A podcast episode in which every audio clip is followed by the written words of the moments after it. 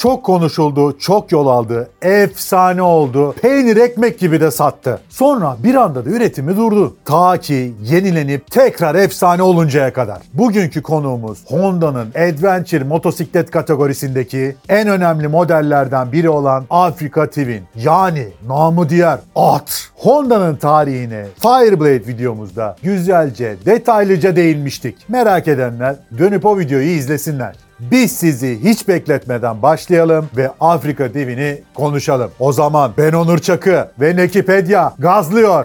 Honda Afrika TV'ni anlayabilmek için onun atalarına bir bakmak gerekiyor. Yani NXR 750'yi anlamak gerekiyor. Onu anlamak içinse Paris Dakar rallisine bakmamız gerekiyor.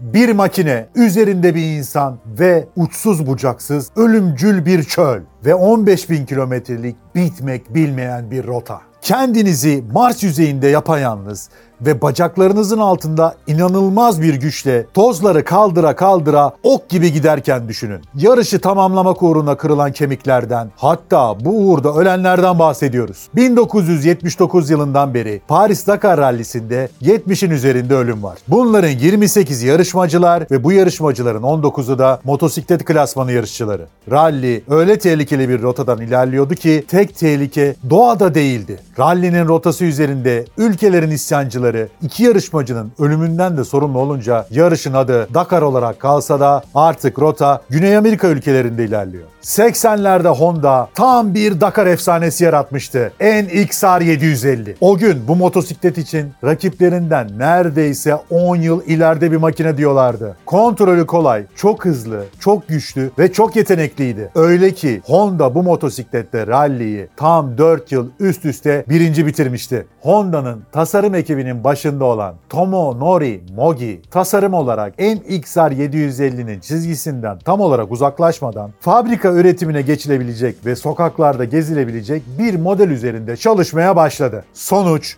1988 yılında piyasaya çıkan XRV 650 yani adını çift silindirli motorundan alan ilk Afrika Twin. XRV 650, 647 cc'lik su soğutmalı, 4 zamanlı, 52 derecelik açıyla V-Twin motora sahip olan bir motosikletti. 50 beygir güç üretiyor, yüksek ve hareket alanı uzun amortisörleriyle araziye uygun olduğunu ilk bakışta gösteriyor ve Honda'nın Dakar yarış motosikletlerinin rengiyle piyasaya çıkıyordu. Ama en önemlisi bu canavar Amerikalıların dediği gibi bulletproof, kurşun geçirmez denilebilecek sağlamlıktaydı. Bu motosiklet macera motosikleti meraklıların ilgisini hemen üzerine çekti ve bu becerikli modelin yaygın bir tur motosikleti olmasını sağladı. 90'ların başında Honda Africa Twin XRV 750 olarak güncellendi ve gücünü biraz daha arttırdı. Hatta inanmazsınız 92 yılında bu modele bir de dijital tripmetre eklendi. Tribal! Paris Dakar'ın etkisiyle Avrupa'da macera motosikleti pazarı büyüyor. Sadece Honda değil, Yamaha, Suzuki, BMW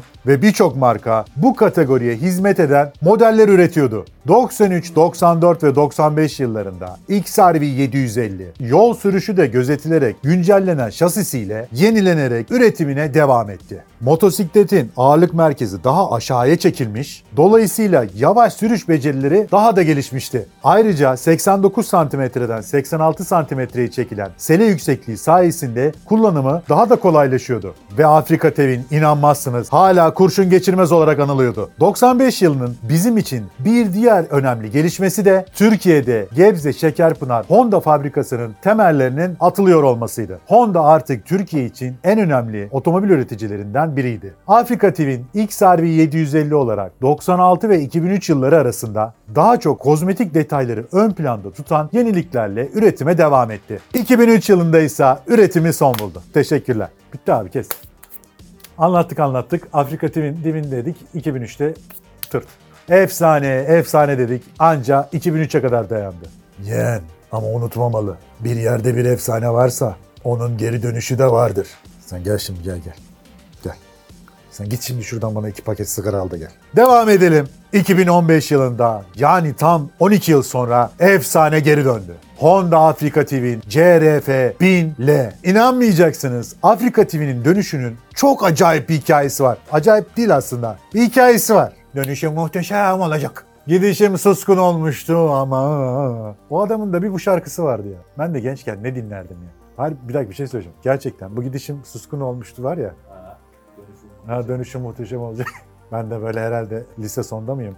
Üniversite birde miyim neyim? Böyle her ay yıldığım kıza dönüşüm muhteşem olacak falan gibi triplere giriyordum. Hiçbirisi de dönmedi.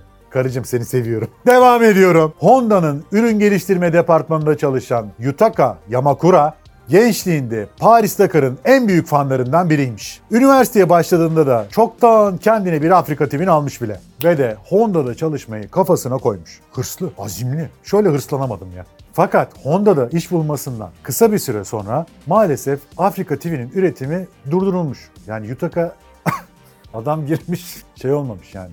Durmuş ulan ya. Böyle şey herif olur mu ya? Abdest al Yutaka. Yutaka'yı şeye gönderiyorum.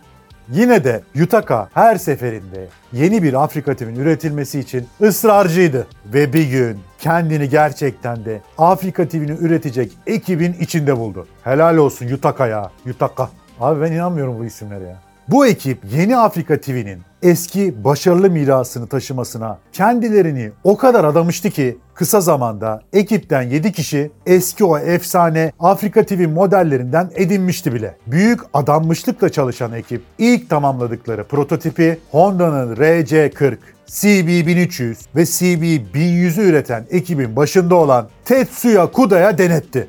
Kudo'nun yorumu çok ilginçti. Olmamış, yapamamışsınız. ne yaptınız lan siz? Olmamış bu. Uzaklaşmışsınız yapacağınız şeyden demiş. Devam edelim. Ekip Kudo ile beraber hem prototipi hem de eski Afrika TV'ni aynı şartlarda testlere tabi tuttu gerekli geliştirmeleri yaptı ve offroad yeteneklerini kaybetmeden üçlü çanta setlerini de takıp otobanda estirecek yeni Afrika TV'ni üretti. Bir şehir efsanesinde burada yıkabiliriz. Alın size arkadaşlarınıza satabileceğiniz bir bilgi. Bir söylentiye göre Honda yeni Afrika TV'nin geliştirilmesi için o eski Afrika TV'nin ekibini toplamıştı. Hayır ya bunlar hep dedikodu.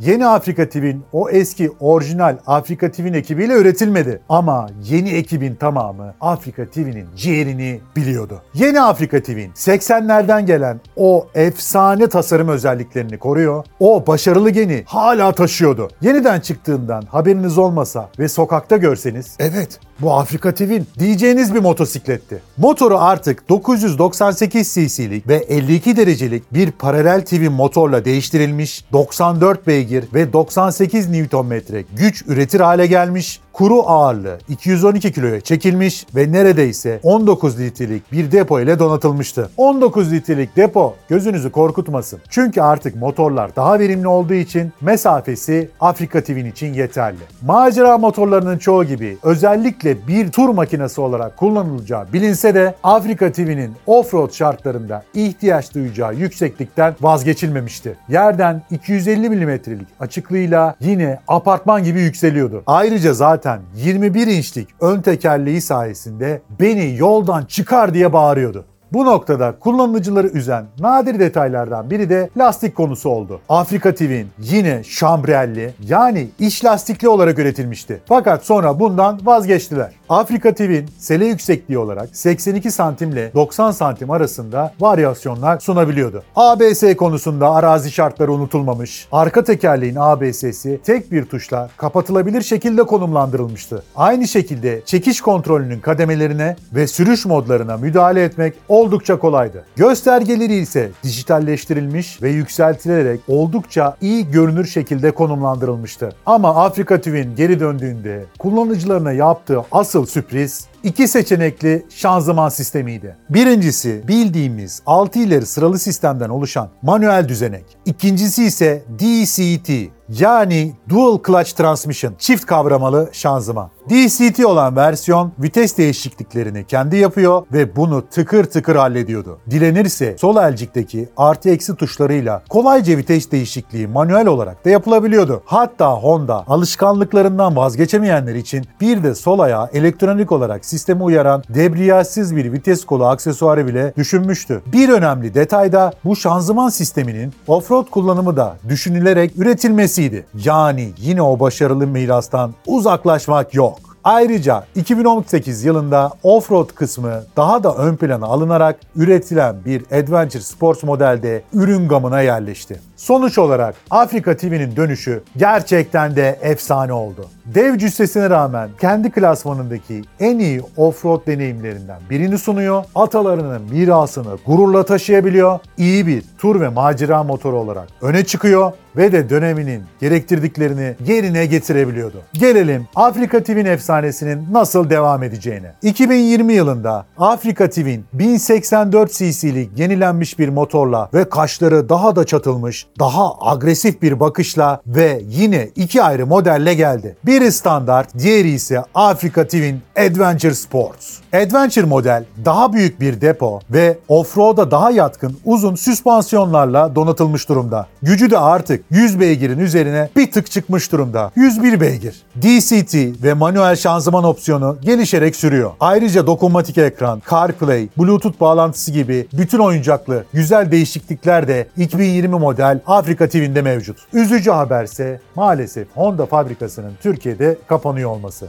Keşke kapatmasaydı. Keşke motosiklet üretimleri de burada yapılabilseydi. Ne yapalım? Biz tam gaz devam. Bu haftalıkta bu kadar. Gelecek hafta görüşene kadar kendinize çok iyi bakın. Tekerinize taş değmesin. Güç sizinle olsun. Yollarda da görüşmek üzere. Bye.